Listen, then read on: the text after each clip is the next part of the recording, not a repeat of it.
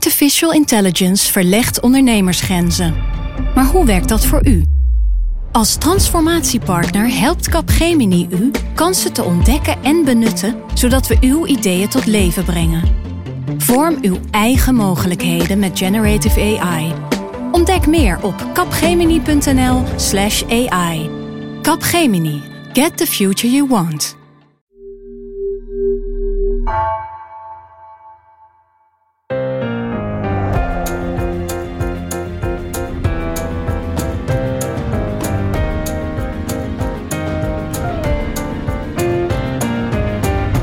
Haagse Zaken van NRC. Mijn naam is Lemia Aharouai. Deze week over het rapport van de Onderzoeksraad voor Veiligheid. Die raad deed onderzoek naar de coronabestrijding tot september 2020. Het is de eerste uitgebreide evaluatie van het coronabeleid. Er komen er nog twee. Maar de conclusie is, helemaal platgeslagen, het was een crisis waarin niemand de baas was. Wij hebben aan veel betrokkenen, hoofdrolspelers, gevraagd wie had nu eigenlijk de leiding en waar werden de beslissingen genomen. En daar kwamen opvallend veel verschillende antwoorden op. Dat is OVV-voorzitter Jeroen Dijsselbloem. In deze Haagse zaken kijken we met de blik van Pim van den Doel en Mark Liefse Adriaanse naar dat onderzoek van de OVV. Pim is vanaf het eerste moment dat we iets vaags hoorden over longziekte in eh, China onze coronaredacteur. Mark schreef twee jaar geleden een uitgebreide reconstructie over de eerste coronagolf. En we kijken ook verder. Het onderzoek was bedoeld om lessen uit te trekken. Is er iets veranderd aan de aanpak sinds die eerste maanden? En voordat we beginnen, eventjes dit. Haagse Zaken is er altijd, zoals je inmiddels hopelijk gewend bent, op zaterdag. Maar vanaf komende week tot aan de gemeenteraadsverkiezingen van 14, 15 en 16 maart zijn we er ook op dinsdag met lokale zaken. Dat is een uh, speciale serie over de gemeenteraadsverkiezingen, over bijvoorbeeld kandidatenlijsten, over financiën, het verschil tussen landelijke en lokale partijen en de controle op de gemeenteraad. En je vindt hem wel gewoon in je Haagse Zaken feed in je favoriete podcast app. En dat kunnen we allemaal maken dankzij onze geweldige betalende NRC-abonnees. Jij uh, kan ons ook mogelijk maken om te kijken welk abonnement bij jou past. Ga naar nrc.nl slash hz. Oké, Mark, we beginnen met jou. Want jij maakte in juni 2020 samen met Dirk Stokmans een reconstructie van de corona-uitbraak. Het begin van die crisis. Ik ben toch wel benieuwd, hoe las jij dit rapport? Uh, nou, met heel veel interesse. Uh, je bent dan als journalist toch benieuwd of zij op hetzelfde spoor zaten zeg maar, als wij. En dat bleek ook wel het geval. Ik kwam heel veel tegen waarvan ik dacht, ja, dat schreven wij twee jaar geleden ook op. Um, over de voorbereiding, over de, de onderschatting van het coronavirus, maar ook de overschatting over wat Nederland kon doen om de pandemie buiten de deur te houden. Dus ja, dat was op zich uh, interessant om ook in het OVV-rapport uitgebreid uh, terug te lezen. Je staat ook in de voetnoten, hè? Ja, klopt. Ja. Pim, Jij, ja goed, je hebt hier zo vaak aan tafel gezeten inmiddels uh, over uh, de coronacrisis. Als je dan zo'n rapport krijgt, evaluatie van iets waar je zoveel over hebt geschreven, wat is het eerste waar je naar bladert? Waar ben je naar op zoek? Nou, um, ik was eigenlijk vooral benieuwd of het een heel hard rapport zou worden. Ik heb vorig jaar uh, toen al eens gesproken met OVV-voorzitter Jeroen Dijsselbloem. En hij was toen heel erg van, hè, de OVV is er om, om lessen te trekken we willen niet, geen schuldigen aanwijzen. Dus ik dacht nog even, het zal toch wel een stevig en kritisch rapport worden. Maar dat vond ik het toch wel echt. Met name toch de conclusies over de verpleeghuizen. Hè, dat, dat, uh, dat het ook echt wel aan, het, aan de keuzes van het kabinet heeft gelegen. Dat het daar zo is misgegaan. Ja, dat, dat, uh, daar was ik wel benieuwd naar. Dat vond ik ook wel echt uh, harde noten zeg maar, van de OVV. Ja. Oké, okay, het wordt dus een paar keer gevallen. Maar eerst uitleggen wat ja, de Onderzoeksraad voor Veiligheid is, Mark. Ja, zij zijn een, een onafhankelijke uh, groep onderzoekers die eigenlijk het overheidshandelen tijdens crisis en rampen onderzoekt. Ze zijn bijvoorbeeld bekend van het onderzoek naar MA17, uh, naar de Schipholbrand in 2005, waar toen uh, ook minister Donner over is afgetreden. En dat zijn wel rapporten die, ja, die zwaar wegen, waar naar uitgekeken wordt, omdat zij dus onafhankelijk onderzoek doen. Ze praten met alle betrokkenen. Dat hebben ze ook voor dit onderzoek gedaan, met, met alle betrokken ministers, met topambtenaren, met, met mensen uit de zorg. En daardoor hebben hun onderzoeken altijd wel een bepaalde ja, status. Dat ze doorvrocht kijken naar de crisisaanpak. Wat dit onderzoek wel anders maakt natuurlijk dan bijvoorbeeld MA17 of de Schipholbrand... is dat dat echt onderzoeken waren over een hele duidelijk afgebakende ramp eigenlijk of crisis. Terwijl dit onderzoek, hè, dat gaat over een enorm lange periode... van begin 2020 tot september 2020. En het is ook nog lang niet klaar. Ze zijn nog steeds bezig met het onderzoek. En dat betekent dat ja, ze eigenlijk ook een structuur proberen bloot te leggen. Het is niet alleen er was een grote brand, wat deed de overheid, hoe had het voorkomen kunnen worden. Maar een, uh, ze analyseren een hele periode van overheidshandelen. En dat maakt het ook wel, uh, denk ik, een heel inzichtelijk rapport uiteindelijk over uh, nou, de Nederlandse overheid, over het vermogen van de Nederlandse overheid om crisis aan te pakken enzovoort. Ja, een soort feitelijke reconstructie, daar zijn ze in gespecialiseerd. Ja, hè? precies. En nog interessant om hierbij te vermelden is ook dat het vaak gaat met name over situaties waarin mensen die getroffen zijn afhankelijk zijn, niet van zichzelf voor hun veiligheid, maar van derden. Vaak is dat dan de overheid. En de voorzitter is dus Jeroen Dijsselbloem. Ik zag uh, best wel wat uh, buitenlandse journalisten de afgelopen dagen twitteren over die uh, persconferentie van Dijsselbloem. Van, nou ja, wij herinneren ons deze man vooral oh. van de, van de Griekse crisis. Ja. Maar goed, nu dus in deze rol. Dan is de vraag, het is een beetje basic, maar toch nog best belangrijk. Wie geeft zo'n opdracht aan de OVV of werkt dat niet zo? Nou, dat werkt bij de OVV dus eigenlijk niet zo. Dus de onderzoeksraad mag helemaal zelf weten uh, waar ze ook onderzoek naar doen. Nu is het wel zo in dit geval dat het kabinet uh, de OVV ook al vrij snel na het begin van de crisis gevraagd heeft om dit te gaan doen. Maar toen waren ze er eigenlijk al mee begonnen. Dus uh, Dijsselbloem legde van de week uit dat uh, de OVV eigenlijk ja, al vanaf eind februari, begin maart, toen de eerste besmetting in Nederland was geconstateerd. 2020 hebben we dat 2020, over. inderdaad. Uh, echt dacht van dit gaat een hele grote crisis worden. Dus wij gaan al een team samenstellen. We gaan dit onderzoeken. Nou ja, toen konden ze natuurlijk ook nog niet vermoeden dat deze crisis zo lang ook zou gaan duren.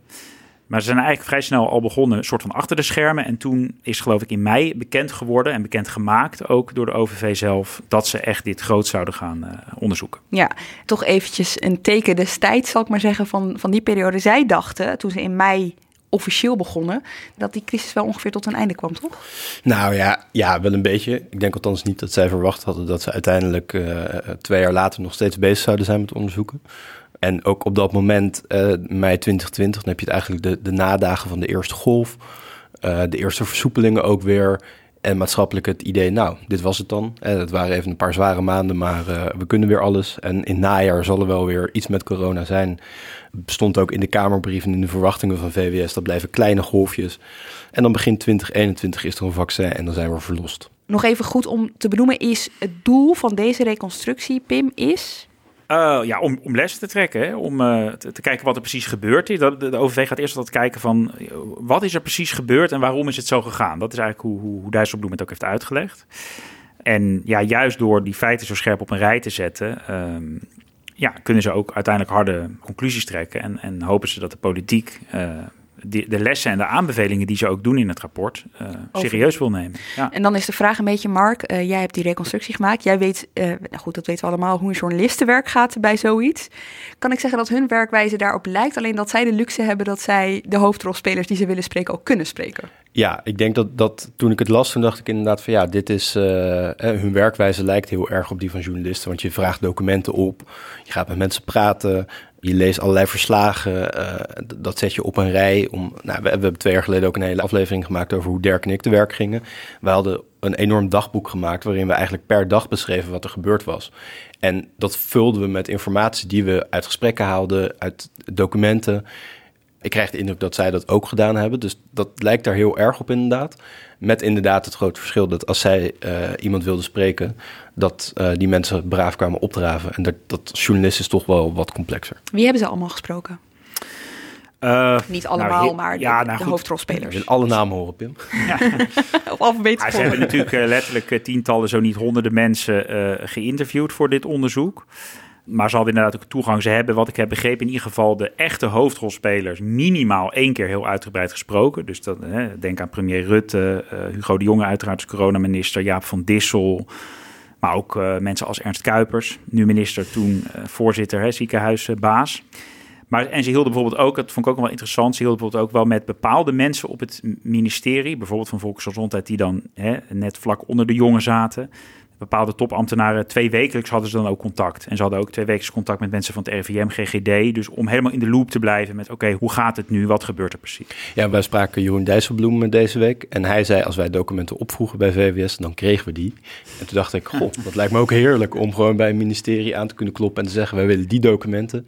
En die dan te krijgen. Want als journalist duurt zo'n WOP-procedure uh, eindeloos. Dat is dan de luxe van overheidsonderzoekers. Je hebt ook een beetje met een jaloers gevoel naar dat rapport zitten kijken.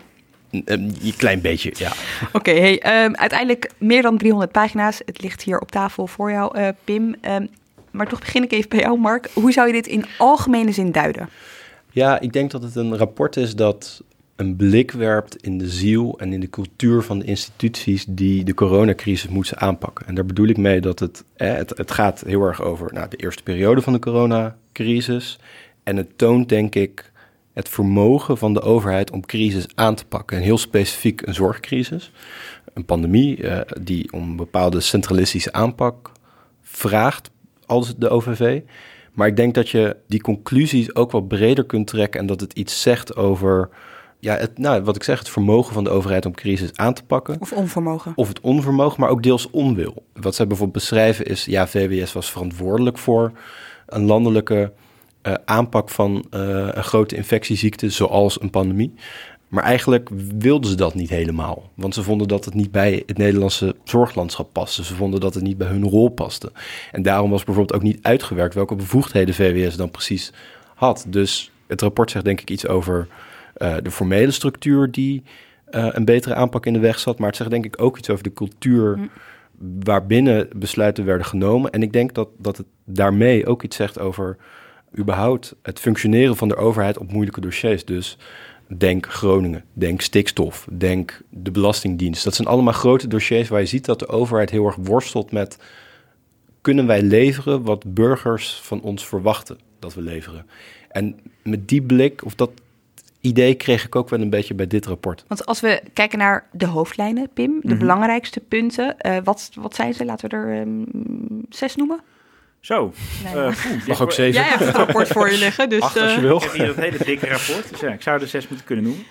nou ja, kijk, uh, begin bij het begin van de voorbereiding. Uh, ik vond het zelf nog wel echt wel interessant om te lezen hoe inderdaad ontzettend slecht Nederland op zo'n pandemie was voorbereid en de gesprekken die de OVV er ook over heeft gevoerd, hè, kwam wel naar voren dat eigenlijk die pandemie ging het voorstellingsvermogen van Nederland ook te boven. Dus er was bijvoorbeeld jarenlang wel heel erg geoefend, maar dan regionaal. En niet voor een grote landelijke uitbraak bijvoorbeeld. Dat vond ik er nog wel interessant aan. Ja, en toen dat gebeurde is er heel veel geïmproviseerd. Ja, toen moest er eigenlijk heel erg geïmproviseerd worden ja, een aantal van de andere uh, conclusies, hè, de, dat de, de crisisorganisatie hè, vanaf het begin eigenlijk niet goed stond. Een beetje wat Mark net al zei, dat er wel een wet was die het allemaal op papier regelde. En dat de minister uh, nou ja, de leiding kreeg, maar dat het verder eigenlijk in die wet niet goed geregeld was en niet goed doordacht was.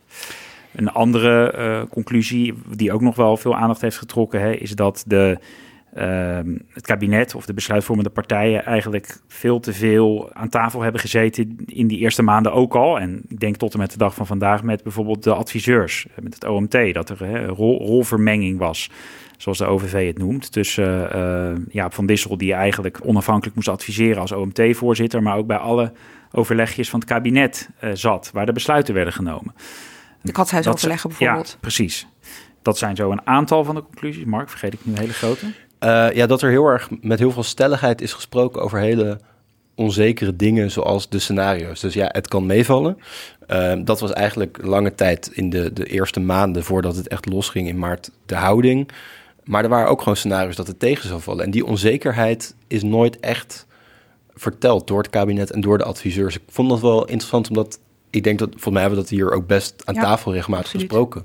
Dat er met een hele grote stelligheid werd gesproken. Maar het is interessant dat zij ook gewoon dit gesignaleerd hebben bij die mensen, maar ook in de documenten eigenlijk wat terugvonden. Ja, en beschrijf wat de keerzijde daar dus uh, van is. Want ik vond het wel interessant dat ze dus dat verbonden aan het steeds minder wordende vertrouwen van ja. burgers. Ja. Dus dat, dat, dat bracht ze met elkaar verband. Oké, we gaan niet dit rapport in detail uh, bespreken. Ik zeg het maar eventjes uh, ter, um, hoe noem je dat, winst, met als winstwaarschuwing. We gaan er een paar elementen uitlichten. En voor jou, Mark, is dat een van de dingen waar je het over wilde hebben, uh, de beperkte pandemieparaatheid, zoals dat dan Ja, heet. dus eigenlijk dat Nederland heel slecht voorbereid was op een pandemie. Een pandemie zou je kunnen zeggen is een, een known unknown. Dus het is iets waarvan je kan bedenken dat het ooit plaats kan vinden, maar je weet niet hoe, je weet niet wanneer, je weet niet met wat voor virus precies. Alleen bleek dat Nederland ook daarvoor eigenlijk niet goed was voorbereid. Uh, Jeroen Dijsselbloem zei van de week tegen ons... Uh, de NCTV, die uh, Nationaal Coördinator Terrorismebestrijding en Veiligheid... die had in 2019 een veiligheidsanalyse gemaakt met grote ja, veiligheidsrisico's voor Nederland. Nou, daar werd ook een pandemie in genoemd. En ze hadden aan VWS gevraagd, zijn wij daar als Nederland op voorbereid? Het antwoord was ja. Maar er is nog niet gekeken wat dat eigenlijk betekende. Wat betekent goed voorbereid zijn op een pandemie? En toen er wel gekeken werd, bijvoorbeeld door de OVV, bleek dat die voorbereiding gewoon heel beperkt was. Er waren eigenlijk geen scenario's of geen oefeningen gedaan voor een, uh, een landelijke, uh, langdurige gezondheidscrisis, zoals een pandemie. De rol van het ministerie daarin was onduidelijk, was niet gedefinieerd. En tegelijkertijd, als je kijkt naar die eerste maanden van de pandemie, dan was Nederland heel zelfverzekerd dat dit goed zou gaan. Allerlei experts die op tv kwamen, uh, minister Bruins toen, die in Kamerbrieven schreef, Nederland is goed voorbereid. Ja, er werd ook steeds gezegd, hè? Nederland is het goed systeem, voorbereid. Het Precies. systeem in Nederland is gewoon heel Ja. erg eh, goed. Ja, alleen als je dan gaat kijken, en Dirk en ik hebben daar destijds ook naar gekeken van wat betekent goed voorbereid zijn? Waar zijn ze goed op voorbereid? Dan ging dat bijvoorbeeld over scenario's waarbij er in de afzonderlijke regio's uh, in het extreemste geval 20 besmettingen per dag waren. 20 besmettingen Ja. per dag. En dat is echt, dat is onvoorstelbaar weinig. Maar dat was dan goed voorbereid zijn. En dat is waar we het net ook over hadden, die scenario's.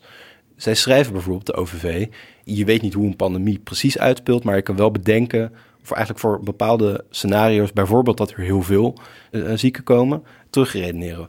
Er komt een nieuw virus. Wat betekent dat? Nou, je zal dat bij mensen moeten vinden, dus je moet testen.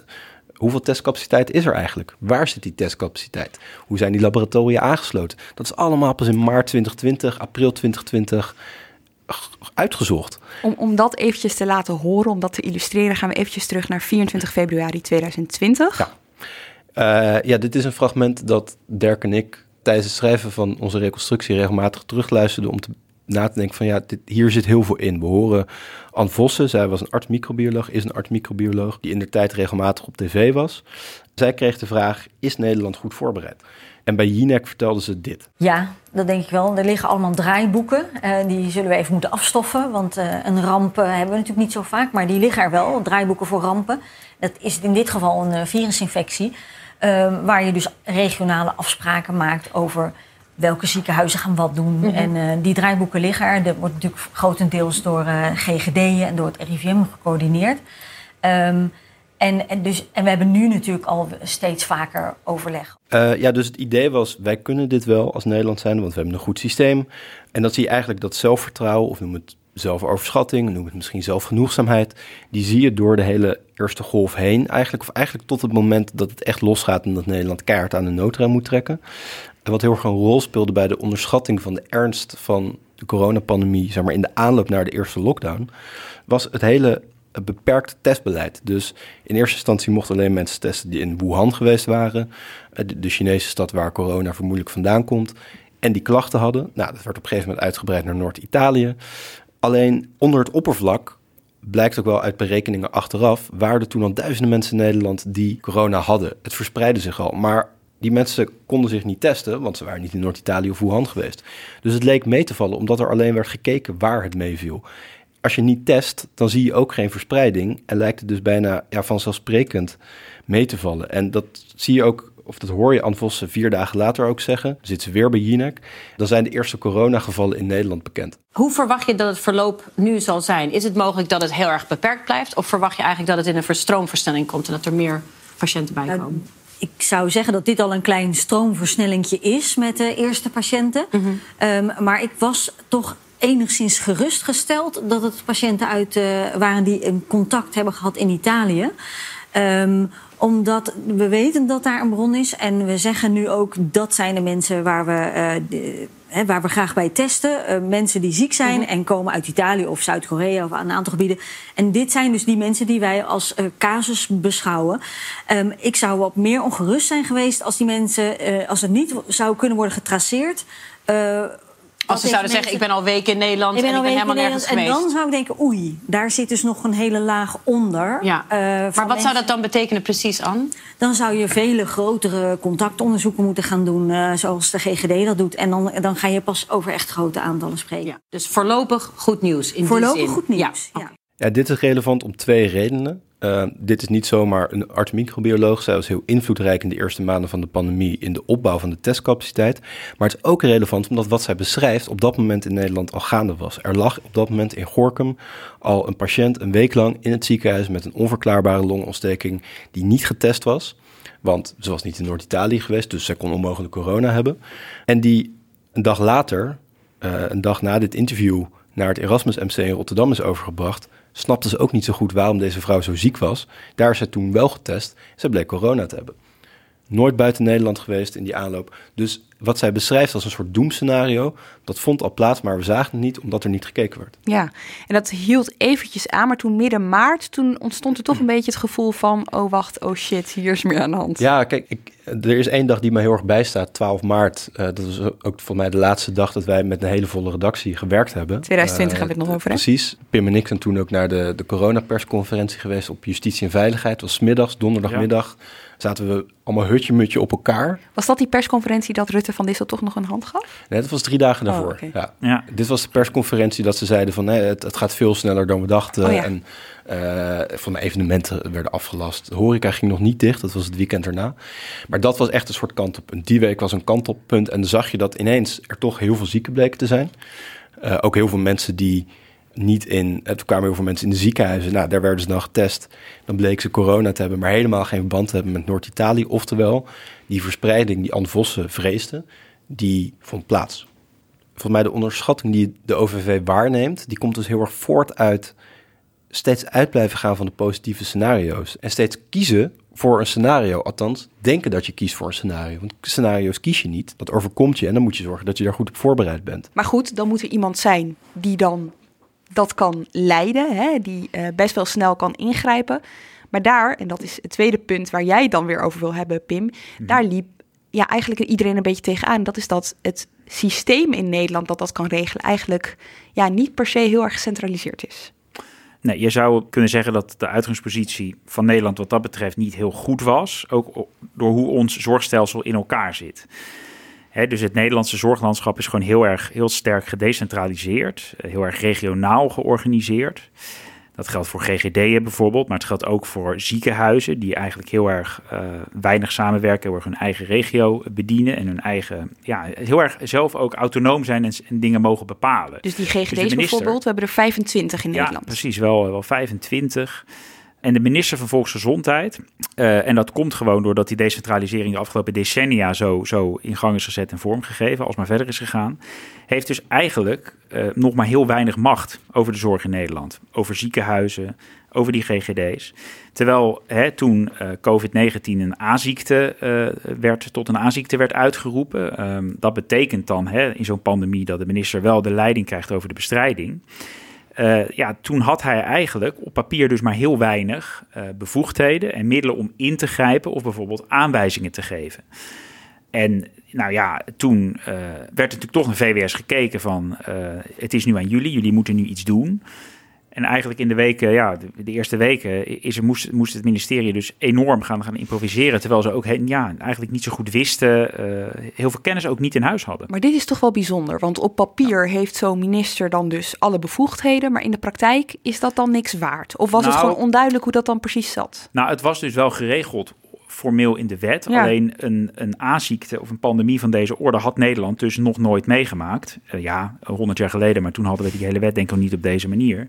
Dus er was een wet, er was een stelsel, een idee op papier, maar het was nog nooit in de praktijk toegepast. En het was niet uitgewerkt, hè? Nee. Dus, dus op papier in de wet stond inderdaad, VWS is verantwoordelijk. De wet publieke gezondheid. De wet publieke gezondheid. Maar wat die verantwoordelijkheid precies betekende en hoe die zeg maar ja, moest materialiseren, dat was heel onduidelijk. Dus er stond bijvoorbeeld niet, dat is bijvoorbeeld een van de punten van de OVV, er staat niet in die wet dat tijdens zo'n pandemie of tijdens zo'n langdurige gezondheidscrisis de minister van VWS de baas wordt over de GGD. Terwijl bij de GGD, daar vindt uiteindelijk hè, het testen, het broncontactonderzoek, de vaccinaties. Het, dat is de uitvoeringsorganisatie van het coronabeleid. Maar de minister had er formeel niks over te zeggen. Oké, hier las ik de afgelopen dagen natuurlijk ook over hè, dat dit zo was. Oké, feitelijk een gegeven. Maar dan blijft het toch een beetje hangen bij: oké, als iedereen dat dan constateert en er is een pandemie gaande die Nederland overspoelt is er dan niet een soort beslismoment dat er wordt gezegd: oké, 25 GGD's, even één voor één bellen, nu luister je naar mij? Of werkt dat niet zo? Nou ja, kijk, VWS en, en de jongen zijn natuurlijk wel van alles direct gaan doen. Maar kijk, het moest dus inderdaad een soort van improviserend. Dus ze moesten het vooral van goed overleg en zo hebben. En, en uh, ja, opeens structuren, oplossingen bedenken die er eigenlijk nog niet waren. Dat zijn ze gaan doen. Ze hebben dat geprobeerd. Er zijn uh, verschillende voorbeelden van. Hè. Uh, de patiëntenspreiding tussen ziekenhuizen, uh, landelijk centrum voor opgericht, is op zich snel gedaan en is goed gaan functioneren. Ernst Kuipers had daar nog een belangrijke rol bij met, met de jongen. Die was de beddenbaas, um, hè? Tenminste, ja, dit, dat, is, dat de, werd dan de beddenbaas, werd genoemd. Maar goed, en ook, kijk, de GGD'en, daar werd natuurlijk wel uh, gelijk veel mee overlegd. Uh, probeerde de minister wel aanwijzingen te geven. Maar nou ja, soms ook lastig in de praktijk of kon niet snel genoeg. Ik kan me nog een interview uit november 2020 herinneren. Hè, van ons twee, ja. Pim, met Hugo de Jong. En dat hij zei, ja, als deze crisis voorbij is... dan moeten we toch nog een keertje even gaan kijken naar dat gedecentraliseerde gebeuren. Of we dat niet alsnog moeten centraliseren. Ja, ja, in ieder geval voor in zo'n grote crisis. Ja. Hè, als het echt nodig is om landelijk centraal gewoon beleid te voeren ja, daarvoor was gewoon het hele stelsel en uh, het hele zorglandschap eigenlijk niet, uh, ja, niet goed ingericht. Dus dat is aan de ene kant een soort van, uh, ja, hoe zou je zoiets kunnen, bijna bureaucratische regel die ineens tevoorschijn kwam of waar, waar iedereen tegenaan liep. Ja. Heeft het ook met wat anders te maken, Mark? Ja, ik denk dat het ook heel cultureel is. Dus Jeroen Dijsselbloem zei bij de presentatie van het onderzoek dat het poldermodel zich niet goed verhoudt tot zo'n crisis. Het klassieke poldermodel heeft ook hier natuurlijk sterk gespeeld, maar eigenlijk is dat niet geschikt voor een crisis. Dat lijkt me evident inderdaad als je, als je de, de, de, de corona-aanpak bekijkt. Maar ik heb me ook eens afgevraagd, en dat heb ik deze week na dit rapport ook nog veel sterker afgevraagd stel dat VWS inderdaad veel centralistischer was. Dat ze doorzettingsmacht hadden, dat ze de GGD'en echt konden gaan aansturen.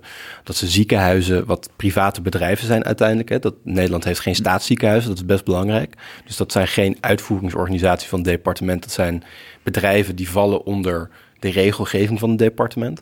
Stel dat VWS dat allemaal, daar allemaal de macht over had gekregen ik denk dat dan alle talkshowtafels en de kranten vol hadden gestaan met organisaties en ziekenhuizen en mensen die zeiden: Hoes, waarom mogen wij niet meer meepraten? Uh, waarom zitten wij niet aan tafel? Dus het ingebakken culturele gevoel dat we polderend tot een oplossing moeten komen, in normale tijden en blijkbaar dus ook in de crisis, maakt denk ik ook dat het veel ingewikkelder is om de centralistische aansturing die de OVV eigenlijk bepleit waar te maken. Het zit denk ik niet in de Nederlandse cultuur om het zo te doen. Het zou wel heel interessant zijn om te kijken of het zou lukken. Want eh, ook dit argument, het zit niet in de cultuur, is door VWS bijvoorbeeld gebruikt ook om het niet te doen. Mm. Met alle gevolgen van dien. Uh, maar Nederland heeft gewoon geen centralistische staatscultuur, geen centralistische besluitvormingscultuur.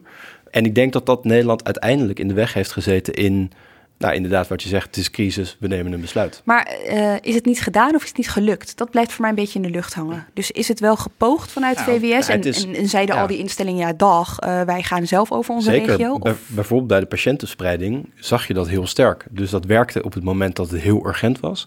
En op het moment dat aan het einde van de eerste golf de ziekenhuizen weer wat leger werden, waren er gewoon ziekenhuizen die niet meer inlogden die zich afsloten van dit systeem en niet meer opgaven hoeveel bedden zij vrij hadden omdat zij vonden, ja, wij kunnen dit prima zelf.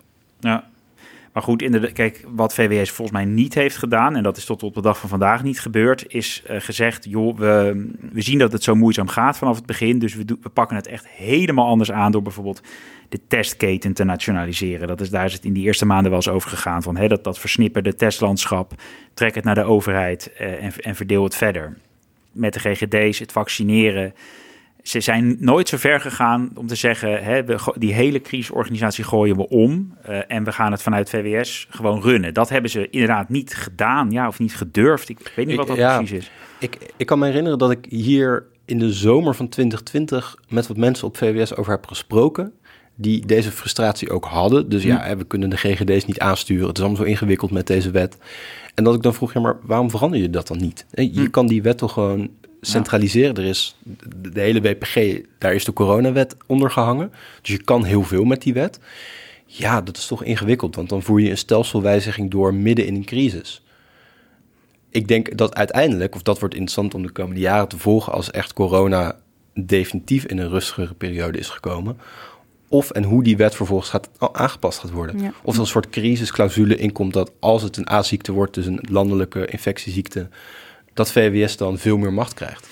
Even een gedachteoefening. als cultuur zo'n grote rol heeft uh, gespeeld. Was het dan anders gespeeld, denken jullie, als dat polderen niet zo belangrijk was? Ja, ga, nu ga je zeggen, oh, dat is een als-dan-vraag. Ja. Nou ja, weet ik niet. Kijk, uiteindelijk is het in een aantal andere omringende landen natuurlijk ook niet goed gegaan. En dat is dat de eerste golf uiteindelijk vrijwel alle landen, of eigenlijk alle landen, verrast heeft. De tweede golf is een ander verhaal. Omdat je toen wisten wat er anders kon, wat er beter kon, et cetera. Die hele cultuur van aan tafel zitten en gehoord worden. Ja, er zijn bij VWS, zo in februari als in maart nog, 2020 hele grote bijeenkomsten geweest waar tal van betrokken organisaties uit de zorg aanschoven en die mochten meepraten. Waar lopen jullie tegenaan? En dat gaf die organisaties het gevoel dat ze, nou, om een heel concreet voorbeeld te noemen, 12 maart 2020, eh, de, de eerste echte zware maatregelen. Dat wordt ochtends besloten. Vervolgens gaat er nog een mail naar allerlei organisaties uit de zorg, brancheorganisaties. Wat vinden jullie van deze maatregelen? Ik geloof niet overigens dat hun opmerkingen vervolgens veel veranderd hebben. Maar dat was dus wel normaal. Mm. Er komen zware maatregelen, maar we moeten het eerst nog even het, het, draagvlak bij de organisaties aftasten. Ja, stel dat het toen centralistischer was geweest. Misschien dat het, dat het effectiever was geweest. Maar ik denk dus ook dat, er heel veel organisaties waren geweest en betrokkenen en, en stakeholders die op de achterste benen waren gestaan om te zeggen dat ze niet gehoord waren. Oké, maar dus als we het even gaan samenvatten, dan stelt de OVV vast, maar goed, jullie dus ook wel dat is gebleken dat die poldercultuur zich eigenlijk gewoon heel slecht verhoudt tot een crisis. Dat werkt niet echt. Pim, uh, het OVV-rapport is ook echt heel stevig over een onderwerp waar jij ook wel veel over hebt uh, geschreven. En dat gaat over ja, wat er allemaal mis is gegaan in verpleeghuizen. Ja. Wat stellen zij vast? Nou, uh, we wisten natuurlijk al wel veel over wat er hè, daar was misgegaan. de helft bijvoorbeeld van de coronadoden is in de verpleeghuizen gevallen. Maar wat me wel opviel aan de conclusies van de OVV is dat zij ook wel echt zeggen dat niet alleen bijvoorbeeld de schaarste aan mondkapjes en testen daarbij een, alles bepalend was, maar dat het ook echt keuzes van het kabinet waren. En het feit dat de organisaties uit de ouderenzorg bijvoorbeeld helemaal niet vanaf het begin mochten meepraten over de crisis. Ze hadden geen plek in het OMT bijvoorbeeld nou, ze kregen daardoor toch, toch minder aandacht, zeker in de eerste weken dan de ziekenhuizen, hè, waar, waar alle uh, focus was op de IC's, uh, waar die heel veel vertegenwoordigers wel hadden, bijvoorbeeld in het, in het OMT. Dus als je niet aan tafel zat, dan kreeg nou, je aandacht dan, niet? Ja, het, het, het, is gewoon zo dat, dat pas na een aantal weken hè, de uh, verpleeghuizen mochten ook een deel van de, de beschermingsmiddelen die Nederland Centraal inkocht hebben gekregen.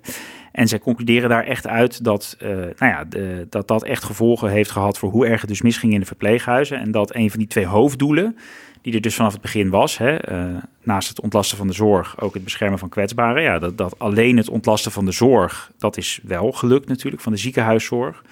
Maar dat het ja, beschermen van de meest kwetsbaren juist in die eerste golf zo uh, falikant is misgegaan. Dat is toch wel uh, een harde conclusie, denk ik. Ja, als je zegt de helft van uh, de doden is gevallen in de verpleeghuizen. En aan de andere kant, er is lang niet geluisterd naar de belangen. In ieder geval die eerste weken dus. Van vertegenwoordigers van mensen die daar wonen. Is dan de harde conclusie, ik vraag me af of de OVV hem ook zo trekt, dat het dat voorkomen had kunnen worden? Ja, kijk, ze zeggen niet keihard van... Um, door wat het kabinet deed, zijn er daar veel meer doden gevallen. Weet je wel, dat is ze één stap te ver. Maar ze leggen gewoon wel echt een verband hè, tussen uh, dat hè, er voor gekozen is om, om de verpleeghuizen bijvoorbeeld zo weinig beschermingsmiddelen en, en, testen in het begin te geven. En dat het daar zo is misgegaan. Dus kijk, ja, één en één is, is ook wel twee dan. Maar het is meer impliciet, dat ze die relatie leggen. Het is de helft van de doden overigens in de eerste periode, hè? Ja, ja. Ik zag jou nee knikken, maar ik nou, zag jou tenminste bedenkelijk kijken, kijk, laat ik het zo zeggen. Dijsselbloem zei bij de perspresentatie bijvoorbeeld dat keuzes leiden tot schrijnende gevolgen. Nou, schrijnende gevolgen zijn doden. Dat is wat hij bedoelt en dat is wat de OVV bedoelt. Dus in die zin kan je volgens mij wel hard zeggen dat keuzes hebben geleid tot meer doden in de verpleeghuizen. Overigens is daarbij ook interessant hè, dat, dat in de reactie op dit rapport vanuit het departement, maar ook vanuit Hugo de Jong wel wordt gezegd... ja, maar de verpleeghuizen praten wel degelijk mee ja, oké, maar praten is natuurlijk iets heel anders dan doen. Uh, in de reconstructie beschreven Dirk en ik hoe eind maart, als het grote sterven in de verpleeghuizen al is begonnen, er wanhoopsmails kwamen vanuit de ouderenzorg naar het departement dat het echt extreem urgent was dat zij meer mondkapjes kregen bijvoorbeeld, dan praat je mee, maar er gebeurt dus niks mee. En dat is vooral het punt dat, dat, dat je volgens mij kan maken. Dat ook aan tafel zitten nog niet betekent dat er vervolgens echt iets gebeurt. Nou, nu inderdaad bij de verpleeghuizen, die zaten lange tijd in ieder geval niet bij het OMT aan tafel. Uh, ze zaten wel in een aantal andere uh, overlegorganen van het departement. Alleen er werd gewoon niks gedaan met die signalen. Nou. Pim, toch uh, een van de heftige momenten aan het begin, zeg maar, behalve dat alles dicht ging en zo, en was toch ook wel dat er op een gegeven moment een bezoekverbod kwam in verpleeghuizen.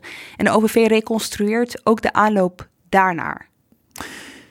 Ja, nou, zij constateren hè, dat dat bezoekverbod natuurlijk hele ernstige gevolgen heeft eh, gehad. Ook voor uh, nou ja, het welzijn van die mensen die maandenlang echt hè, opgesloten hebben gezeten.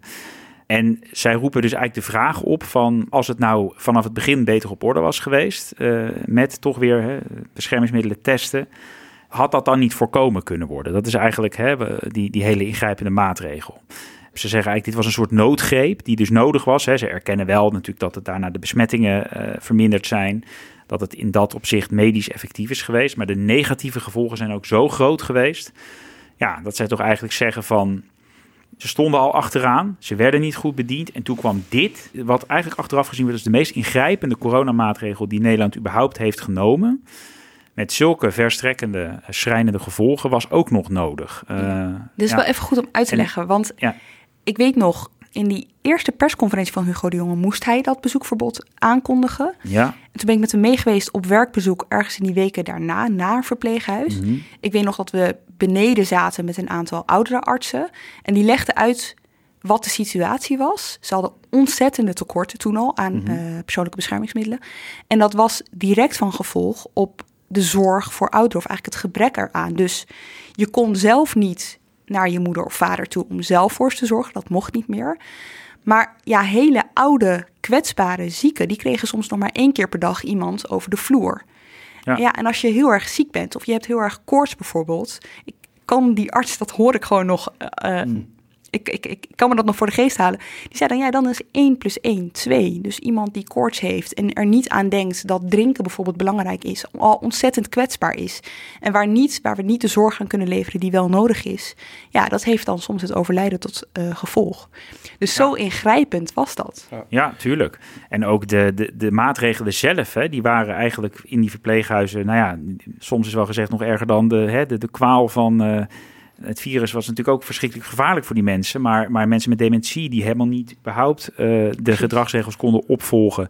Uh, en daardoor vaak ook samen werden gezet. Hè? Dus als er twee besmettingen ja. waren op een afdeling, ja. dan werd er verder niet meer getest. Let wel, nee. er werd niet meer getest. Mensen werden in feite gewoon opgegeven. Dus de hele afdeling ging, ging in quarantaine. Dirk Stokmans heeft een verhaal gemaakt. Hij was een van de eerste die in april 2020 eigenlijk dat grote sterven beschreef bij de Leeuwenhoek in Rotterdam. Afdeling met dementerende een paar positieve tests, hele afdeling in quarantaine. Groot gedeelte van die afdeling overleden. Ja.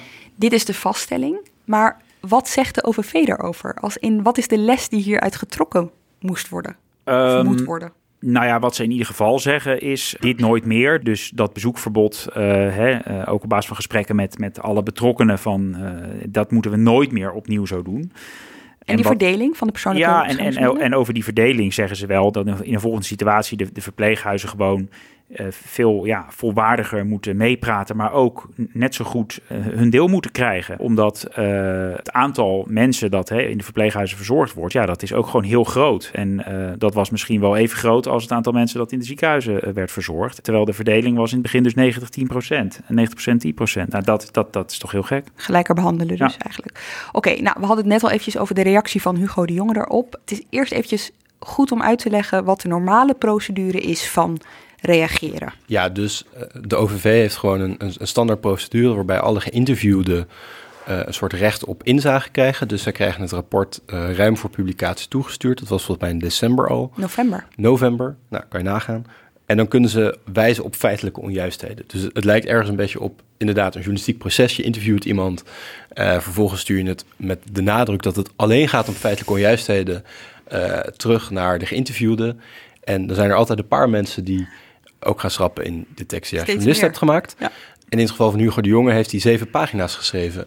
In een lange brief met opmerkingen constateringen, weerleggingen. Hugo de Jonge gaat eigenlijk gewoon in die brief weer opnieuw in debat met de onderzoeksraad over de hè, belangrijkste conclusies. En, en, en hij, uh, het viel mij op dat hij bijna alle uh, grote conclusies die ze trekken, uh, ja, weerspreekt of, of fel bestrijdt. Hij is het er gewoon totaal niet mee eens. Even die verpleeghuizen, want dat is het laatste onderwerp waar we het over hebben gehad. Hoe, ja. hoe verdedigt hij zich bijvoorbeeld?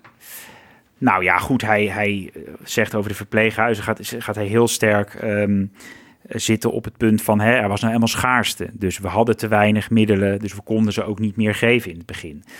Hij gaat dan zeggen van ja, ze zaten niet vanaf het begin in het OMT, maar we hadden wel echt wel contact. We, hebben bijvoorbeeld een belrondje gedaan. Uh, dat soort uh, dingen gaat hij dan zitten opsommen nog in die brief.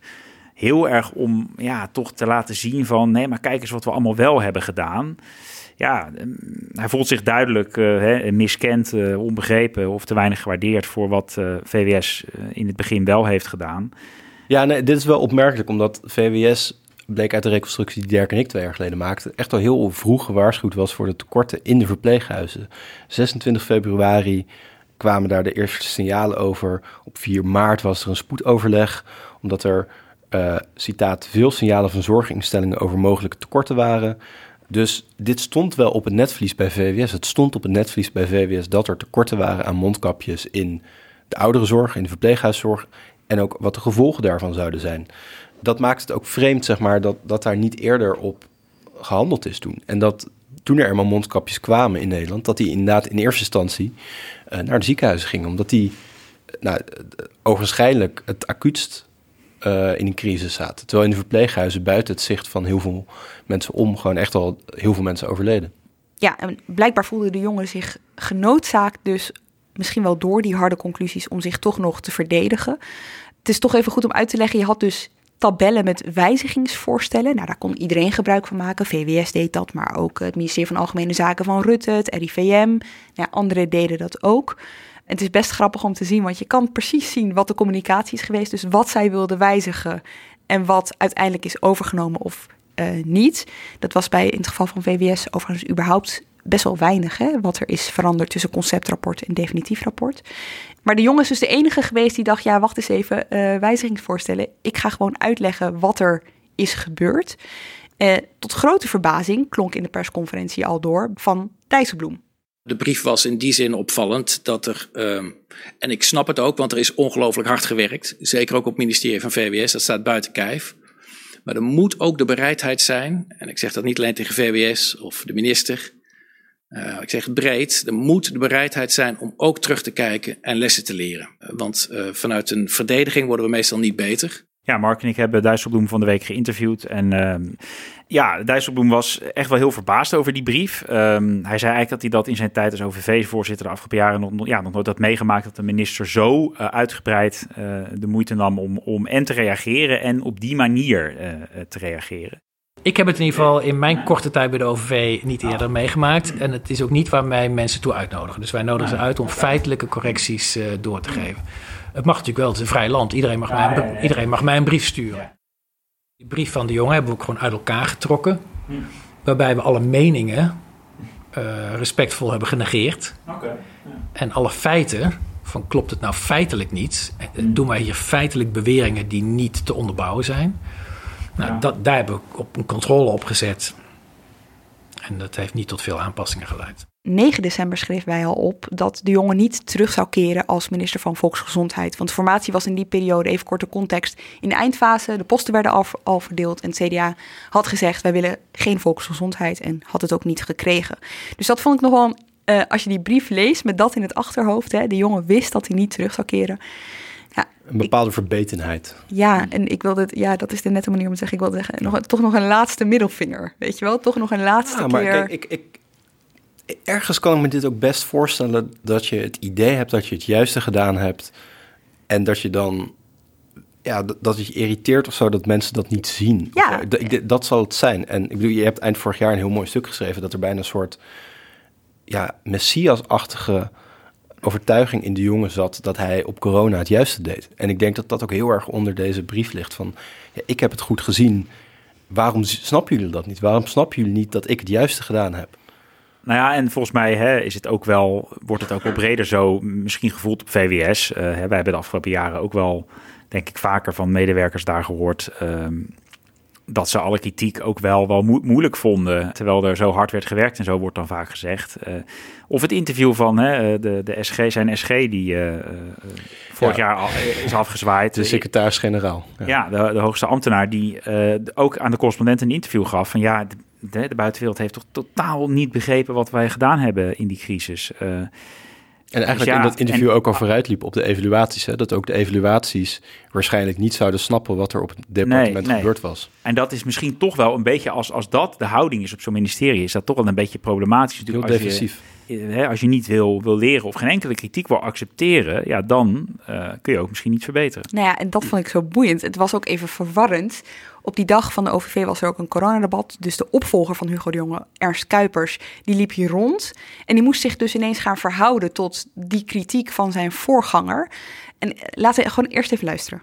Ik denk dat dat niet een vreemde conclusie is. Hè. Dat hebben we met z'n allen al wel geconstateerd. Als je alleen al kijkt, heb ik ook in de vorige rol wel eens gezegd. Alleen al kijkt eh, dat wij heel vroeg in die crisis al grote tekorten hadden aan zaken zoals eh, mondkapjes, beschermingsmiddelen, et cetera, dan was dat opvallend. En eh, ja, dat is echt iets om te evalueren en te zeggen hoe zorgen we dat we de volgende keer dit soort zaken voorkomen. Ja, met, eh, hij, hij, hij doelt dus op het onderzoek hè, en niet op, eh, Mhm. op de kritiek van de jongen. Maar ja, goed, daarmee lijkt hij dat onderzoek dus eigenlijk best wel te omarmen. Eh, ja, de eerste reactie van Kuipers was wel wat anders dan de Hugo de Jonge in, in zijn brief. Dus wel iets meer van, ja, inderdaad, eh, zijn dingen niet goed gegaan, daar moeten we van leren.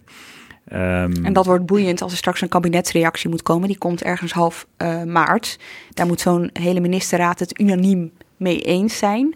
Dus, ja, en, ja, en Hugo de Jonge zit nog steeds aan tafel in een andere rol. Ja, dit, dit was natuurlijk het risico van Hugo de Jonge in het kabinet laten. Dat op dit soort momenten, eh, ja, eh, hij nog wel ook met zijn zegje zal mogen doen in de ministerraad. Hoewel ik me wel afvraag, maar ik heb geen idee.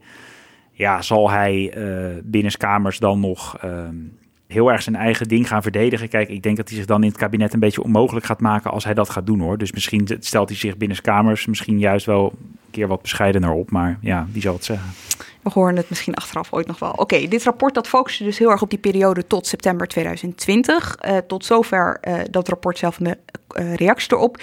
Ik toch eventjes, want die coronacrisis is nog niet voorbij. Hoewel het wel zo voelt, omdat eh, alles zo'n beetje losgelaten wordt eh, de komende Zondag week. weer naar de Kuip. Ehm, maar de vraag is een beetje: zagen jullie verschil tussen eh, alles wat hier werd vastgesteld hè, over die periode tot september 2020 en wat daarna gebeurde? Zagen jullie dat er tussendoor in die crisis al lessen waren geleerd? Valt daar iets over te zeggen? Nou ja, poeh. Ik, ik, je, zijn er dan dingen inderdaad heel veel beter gegaan daarna of veranderd? Kijk, je kunt wel, eh, bepaalde problemen zijn natuurlijk eh, verdwenen, zoals eh, de mondkapjes. Daar is een, heeft de overheid een gigantische voorraad van aangelegd. Kan je zeggen, nou ja, dat hebben ze Hebben sommige mensen heel veel Nee, dat is waar. Daar, kwamen sch- schimmige deals aan te pas enzovoorts. Maar die structuren en de, hè, de patiëntenspreiding, uiteindelijk test, een testketen die wel hè, veel is uitgebreid, we kunnen niet veel meer testen. Dan kan je ook zeggen, er zijn dingen verbeterd.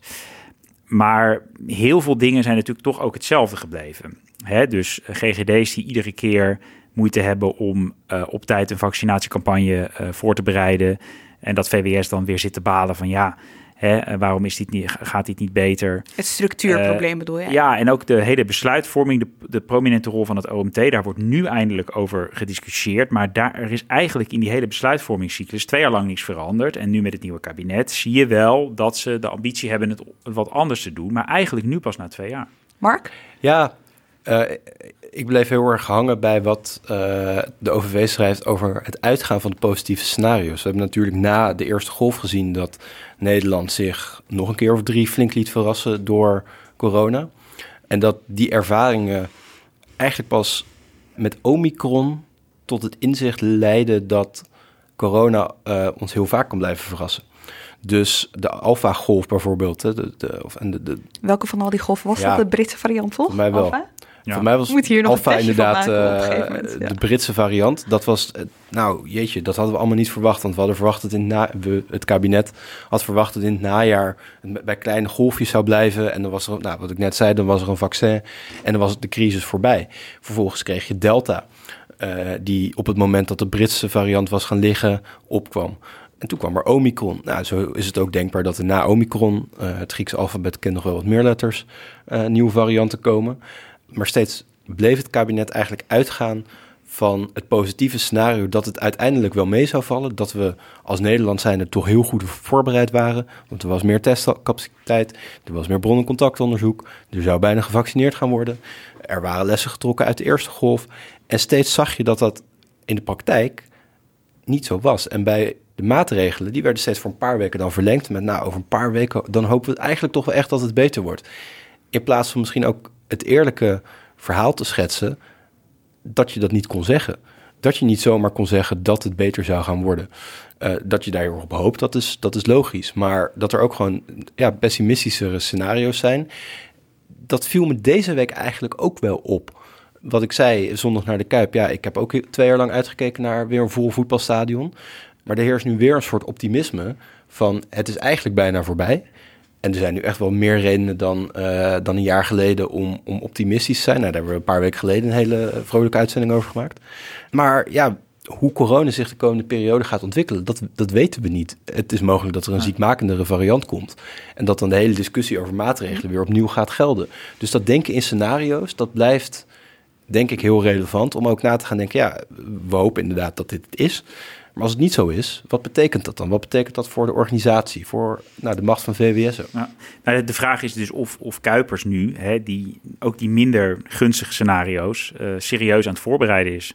Hè, houden ze rekening met, met die tegenvallers? Uh, dat is een les die, die je uit dit rapport uh, kan trekken, die het nieuwe kabinet zou, nu ook zou kunnen gaan toepassen. Um, ja, ik heb hier nog één laatste vraag over. Mm -hmm. Want inderdaad, het gaat nu goed. Iedereen kan zo'n beetje weer doen wat hij, wat hij wilde. Maar stel nou dat er een variant komt die alles weer op zijn kop zet en waardoor, uh, waardoor het toch weer de verkeerde kant op gaat. Is er in de afgelopen tijd, zeg maar, parallel aan de crisis gewerkt aan iets om dan sneller te kunnen schakelen? Snap je? Dus je kan uh, spreken over les tussen de eerste en de tweede golf. Mm -hmm. Maar is er, is er hierop geanticipeerd op dit rapport? Deze lessen vallen niet uit de lucht, toch? Ik bedoel, het is best shocking om het allemaal op een rijtje te zien. Maar aan de andere kant is veel ja. daarvan ook al wel ja. eerder beschreven. Nou ja, kijk, wat, wat ik bijvoorbeeld concreet weet, is dat Kuipers wel uh, nu al opdracht heeft gegeven van maak een plan voor uh, een boostercampagne, een nieuwe boostercampagne als het nodig is. Dan wil hij dat dat binnen nou ja, een paar weken of misschien zelfs twee weken kan beginnen. Mm. Hè? Dus, dus de, en dat is zijn ergernis hè? als ziekenhuisvoorman uh, was dat dat vaccineren in Nederland veel te langzaam op gang kwam. Soms het tempo te laag, zeker in het begin. Dus daar is hij bijvoorbeeld wel concreet mee bezig nu. Van dat wil hij, als het weer nodig is, hè? Met een variant of, of er is een nieuwe goede booster. Uh, dat hij dat zo snel mogelijk, dus dat we dat niet weer, zoals ja. met de booster in het najaar, dat het weer weken moet duren voordat dat op gang is. Ja, dat, dat is iets waar je wel iets van okay, en, verbetering ziet. Ik weet niet of jullie degene zijn aan wie ik dit soort vragen moet stellen hoor, maar stel nou dat het weer helemaal de verkeerde kant op gaat en um, alles gaat weer dicht. En er zijn uh, mondkapjes nodig. Is er nu een soort van verdeling die al meteen gemaakt wordt? Ik bedoel, zo is het al zo gedetailleerd uitgewerkt. Hebben we zo goed geleerd van alles wat er mis is gegaan, dat er plannen klaar liggen. Nou ja, de, de, de mondkapjesvoorraad van Nederland is wel, wel aardig uh, groot. Hè. We hebben die centrale opslag. Uh, daar ligt wel heel veel. Uh, daar was zelfs op een gegeven moment zoveel over dat, dat we niet meer zo goed weten wat we ermee aan moeten. Maar dat, dat zijn dan de mondkapjes voor de zorg. Hè. Dus, dus die hebben, ja, daar hebben we bijvoorbeeld een grote voorraad van. Testcapaciteit vraag ik me af. Hm dat zag je de afgelopen weken, denk ik, dat uh, de testcapaciteit van de GGD beperkt was. Nou, dat er wel heel veel testcapaciteit was bij het testen voor toegang. Dat als je het wil hebben over improvisaties en verschillende structuren die de afgelopen jaren opgericht zijn, dat is er één van.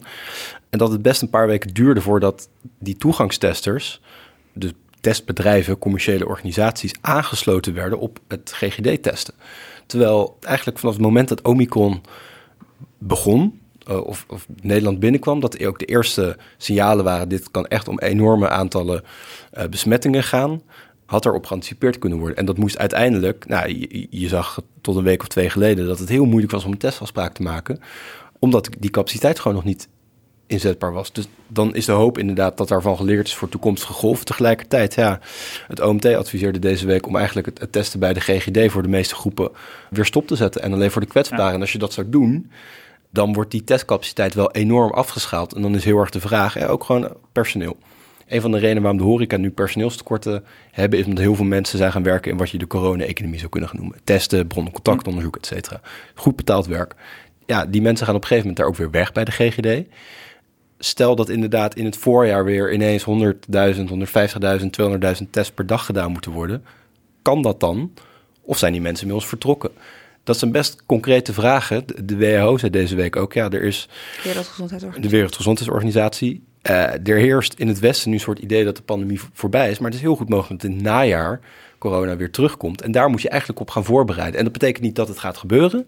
Maar het is wel, als je het over scenario's hebt, dat is een scenario waarbij je heel concreet kan gaan nadenken. Wat betekent dat voor de overheid, voor de testen, voor de ziekenhuis, enzovoort, enzovoort, enzovoort. Kuipers komt nog met een uh, lange termijn strategie, toch, Pim? Ja, volgende maand geloof ik komt hij met een uh, ja, okay. uitgebreidere brief. Ja. Uh, gaan we het dan nog wel over hebben. Ik wil nog even tot slot. tot dan. uh, ik wil nog even tot slot één ding met jullie bespreken. En dat is: oké, dit was het eerste deel van een serie. Er komen nog twee rapporten. Ja, nog twee delen, ja. ja. Ik begreep dat eerste wordt verwacht. voor de zo rond de zomer, voor de zomer, rond de zomer, wordt al deel 2 verwacht over ehm, de tweede golf. En de vaccinatiecampagne in ieder geval. geloof doorlopend tot en met juli 2021 ongeveer. Lange periode. En deel 3 ga, is, daar gaat dan over ja, vanaf uh, half 2021. En dat zal nog wel uh, lang Dat zal nog wel even duren, ja. En tot die tijd zullen er waarschijnlijk geen politieke consequenties aangehangen worden, toch? Want iedereen zegt de hele tijd, ja, we wachten wel tot het eind. En dan komt ook nog parlementaire enquête. Ja, dat gaat sowieso nog heel lang duren. Want als je alleen al kijkt naar de agenda van de Kamer, er komen drie enquêtes aan. Groningen begint later dit voorjaar. De toeslagenaffaire begint uit mijn hoofd volgend jaar. Voorjaar, uh, Voorjaar 2023. Nou, dan lijkt het me een redelijke aanname dat het nog wel twee jaar kan duren voordat de corona-enquête begint. En dan zijn er alweer verkiezingen. En de OVV heeft ook gevraagd hè, aan de Kamer om de parlementaire enquête ook niet eerder te laten beginnen tot uh, deel 3 van het onderzoek uh, is verschenen zit een soort ja, en, en kijk, uh, nu het nieuwe kabinet is net begonnen natuurlijk. Ja, uh, Rutte is doorgegaan als premier. Die zal hier nu niet meteen uh, natuurlijk zijn consequenties uittrekken. En Ernst Kuipers zal het in de Tweede Kamer, die zal zich ervoor moeten verantwoorden. Hè. Er komt mogelijk, denk ik wel, nog een apart debat over. Maar het zal hem toch niet zo zwaar worden aangerekend, denk ik. omdat hij nou ja, eenmaal net begonnen is. nieuwe fase, hij wil het gaan anders gaan doen. Dus hij heeft nog veel krediet. Ja. Dank jullie wel. Mark Liefste Adriaanse en Pim van den Dol. En jij bedankt voor het luisteren. Redactie en productie van deze aflevering door Ignaas Schoot en Henk Rijgrok van de Werven. Montage door Pieter Bakker. En normaal zou ik nu zeggen tot zaterdag, maar vanaf komende week zijn we dus ook op dinsdag tot de gemeenteraadsverkiezingen. Heel graag tot dan. En dan krijg je geen genoeg van Pim. Luister dan nog eventjes tussen de regels uh, terug, de podcast van onze boekenredactie. Want daar heeft hij gepraat over het boek Hemelrijk van Christus Stoop over de coronacrisis in de verpleeghuizen in België.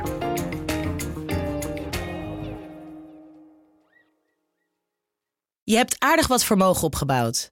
En daar zit je dan, met je ton op de bank. Wel een beetje saai, hè? Wil jij, als belegger, onderdeel zijn van het verleden of van de toekomst?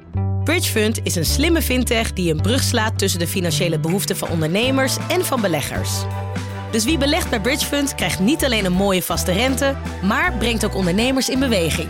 Echt waar, met die ton kan je zoveel betere dingen doen. Bridgefund. Make money smile.